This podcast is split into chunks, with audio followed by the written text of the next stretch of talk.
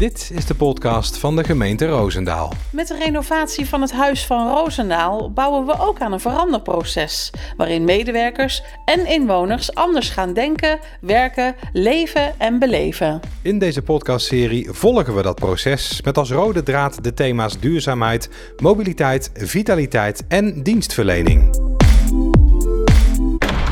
Met het sluiten van deze deur breekt een nieuw tijdperk aan voor de gemeente Roosendaal. Niet alleen voor de medewerkers, maar zeker ook voor haar inwoners. Het stadskantoor ondergaat meer dan een verbouwing. Een nieuw gebouw, een nieuwe manier van werken, denken, leven, beleven, ervaren. Met het Huis van Roosendaal zijn we klaar voor de toekomst. In deze podcast nemen we je mee in dit proces. Maak kennis met projectleider Gabriel Jas. Gasloos, duurzaam, dat is wat we aan het doen zijn. Wethouder Kees Lok is eindverantwoordelijk voor dit project maar doet dit uiteraard niet alleen. Ik word natuurlijk geadviseerd door alle deskundigen die we hebben, zowel in huis als uh, externe. Architect Hans van Heeswijk legt uit hoe hij de plannen heeft vertaald in een ontwerp. In de 21ste eeuw zijn we gewend aan heel comfortabele, klimatologisch goed georganiseerde kantoren. Bas Slager introduceert je in de wereld van het circulair slopen en bouwen. En zo wordt er op meerdere vlakken gewerkt aan circulair. En ook Arno Snelle vertelt hoe hij als circulair sloper te werk gaat. Eigenlijk moet je het andersom bouwen. Jos Hopstaken tot slot neemt je mee terug in de tijd. En dat is eigenlijk het enige wat nog overgebleven is uit de tijd van de broeders. Het is de taak van architect Hans van Heeswijk om met zijn team alle plannen en wensen om te vormen tot een realiseerbaar ontwerp. Architectenbureau van Heeswijk heeft al wat mooie projecten op haar naam staan, zoals de Hermitage in Amsterdam en het Mauritshuis in Den Haag. En daar komt nu dus het Huis van Roosendaal bij. Een stadskantoor of een gemeentehuis is natuurlijk open publieksgebouw. Dus dat wil zeggen dat je het zo helder mogelijk moet ontwerpen, zodat niet alleen de medewerkers begrijpen hoe het gebouw in elkaar zit en waar ze moeten zijn, maar vooral ook alle bezoekers. Dus alle bewoners van Roosendaal die in het stadskantoor moeten zijn, of, in, of op het gemeentehuis, voor een paspoort of voor weet ik wat. Daarvoor moet je het gebouw heel helder en transparant maken. Dus zodat eh, elke bezoeker, als hij op het gebouw afloopt, al begrijpt waar hij moet zijn en hoe het in elkaar zit. Want uh, daardoor voelen bezoekers zich snel op hun gemak, begrijpen ze hoe het werkt, waar ze moeten zijn. En dan krijgen ze ruimte in hun hoofd om zich te concentreren op het onderwerp waarvoor ze eigenlijk gekomen zijn. En dat is voor iedereen heel plezierig. Dus dat hebben we ook in het ontwerp proberen te realiseren. Heel veel transparantie, heel veel helderheid, waardoor het echt duidelijk is van buiten en van binnen dat dit ook een publieksgebouw is, dat er speciaal is voor alle woners, inwoners van Roosendaal. Hoe werkt zo'n proces? Een architect ontwerpt een gebouw niet in zijn eentje in een ivoren toren en uh, probeert dat daarna te presenteren. Maar je overlegt heel veel uh, met allerlei adviseurs. Een, een constructieadviseur, installatieadviseur, bouwfysica-adviseur. Uh, je overlegt met een interieurarchitect. Maar natuurlijk vooral heel veel met je opdrachtgever en met de gebruikers. Want dat zijn in het dagelijks functioneren van het gebouw natuurlijk de echte deskundigen.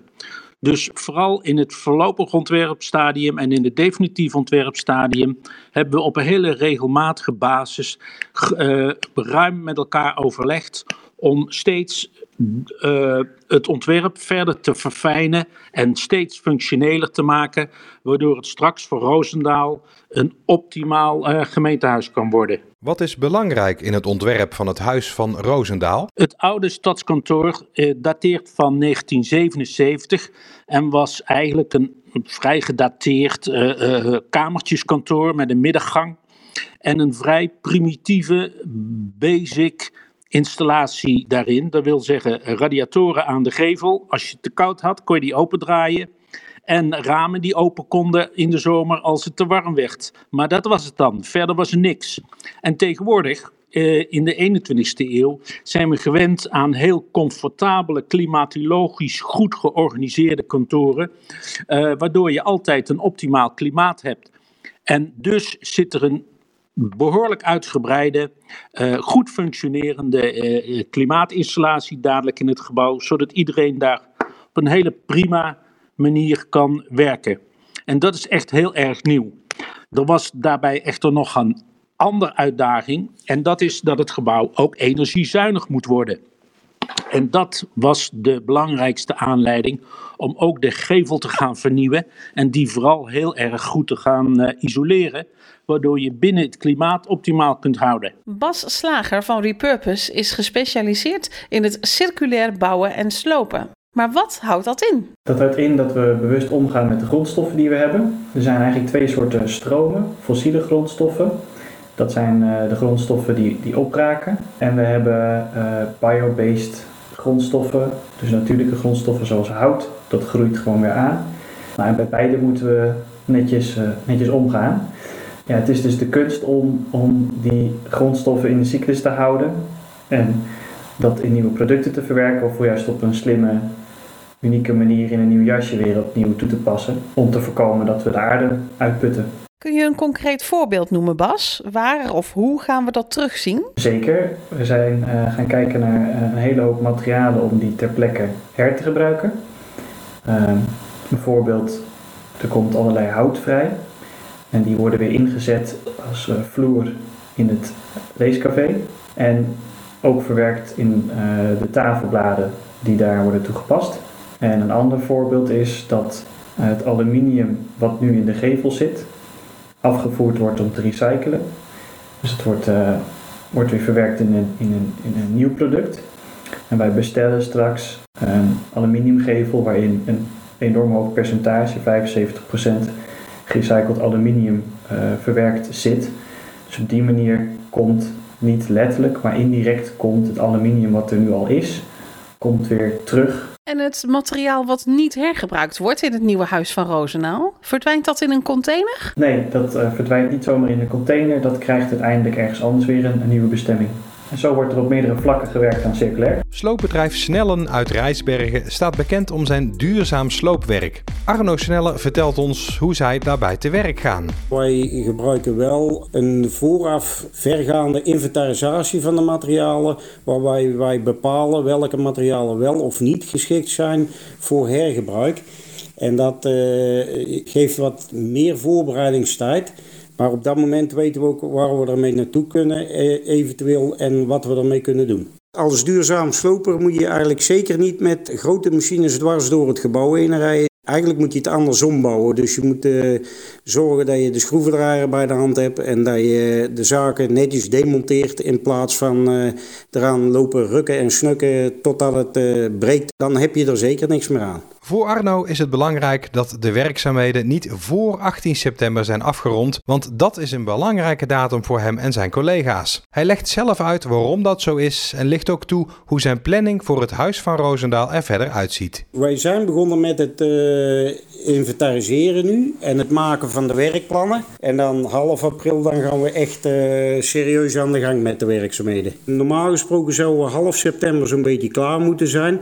Maar we hebben met de gemeente ook afgesproken om Demolition Day uh, daar te houden. Dat is een, uh, een dag van de sloop. Dan kunnen we op deze manier ook uh, veel aandacht vragen voor de circulaire sloop. Het is voor ons ook best een bijzonder project en dat komt eigenlijk omdat deze opdrachtgever, de gemeente Roosendaal, heel veel aandacht heeft besteed aan het circulaire slopen. Het mooie hiervan is, ik heb aan de voorkant hebben wij beloftes moeten doen.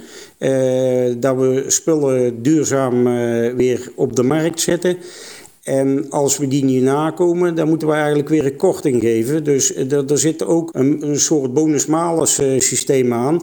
En dat, uh, ja, dat gebeurt niet vaak. Hier zit een extra stok, financiële stok achter de deur om te zorgen dat je het toch netjes doet. En dat, ja, dat, dat, dat vind ik wel mooi, mooi om te doen. En nu willen we natuurlijk weten hoe het er straks uit gaat zien. Projectleider Gabriel Jas neemt ons mee het gebouw in. Ja, wat je eigenlijk meteen opvalt is dat het een open en toegankelijk gebouw is. Je ziet de contouren van het oude gebouw nog, um, maar het lijkt erop alsof hij een nieuw jasje heeft gekregen. Uh, die kenmerkende verticale lamellen zorgen ervoor dat het daglicht naar binnen komt, maar de zon grotendeels buiten blijft. En het nieuwe huis is daarnaast ook nog eens een keer gasloos en wekt zijn eigen energie op. Een duurzaam gebouw dus. Als je naar binnen loopt, zie je meteen wat we veranderd hebben. In het nieuwe huis van Roosendaal word je meteen welkom geheten. Een persoonlijke ontvangst, kopje koffie, espressootje, kopje thee, waarbij je kunt ontspannen en kunt wachten in het eetwerkcafé. Ja, en ook de sfeer is anders. hout en groen. En naast het uitgifte uh, van, van paspoorten en rijbewijzen is er ook uh, ruimte om overleg te voeren met medewerkers. Het is dus een plek waar je kunt ontmoeten, maar ook een plek met een huiselijke sfeer. Ja, met uitzicht op een prachtige tuin. Het eh, nieuwe huis van Roosendaal krijgt naast de ingang aan de stadzijde ook een ingang aan de kant van uh, Groot Mariadal. Waarvoor is dat eigenlijk? Het nieuwe huis van Roosendaal krijgt inderdaad een tweede ingang aan de zijde van Mariadal. En dit is de ingang van het vergadercentrum. Dus op de plaats waar eerst de publieksbalies waren, komt een groot aantal vergaderkamers. Uh, en die, die gaan we samen gebruiken met de raadsfracties, die er een fractievergaderingen gaan houden s'avonds. Dus deze uh, vergaderkamers kunnen dan dus ook gebruikt worden in de avonturen als het gebouw gesloten is. Vandaar de tweede ingang. Wethouder Kees Lok geeft zijn visie op de verbindende factor van het nieuwe huis van Roosendaal. We hebben het niet voor niks genoemd het huis van Roosendaal. Natuurlijk uh, kun je in dat huis terecht voor de dingen waarvoor je de gemeente nodig hebt. Of dat nou gaat om het aanvragen van een vergunning, uh, een rijbewijs, een paspoort of wat dan ook. Uh, maar we willen ook wat meer zijn, wat meer worden. Um, je mag ook gewoon binnenlopen om uh, te kunnen, uh, als een soort thuiswerkplek. Hè? Je kunt, um, dat willen we ook allemaal. En er komen natuurlijk ook uh, onze collega's van het werkplein. Um, we hopen op een hoop bezoekers. en dat, mag, dat mag ook wel wat aantrekkelijker zijn dan, ja, dan enkel maar gewoon een gemeentehuis. Vandaar dat we het het Huis van Roosendaal noemen, waar iedereen welkom is. Vroeger had de plek waar nu het oude stadskantoor omgebouwd wordt tot het Huis van Roosendaal ook al een verbindende functie. Een geschiedenisles van Jos Hopstaken. De plek ligt net buiten het oude centrum van uh, Roosendaal, hè, net achter de Domineestraat aan de Vugtstraat.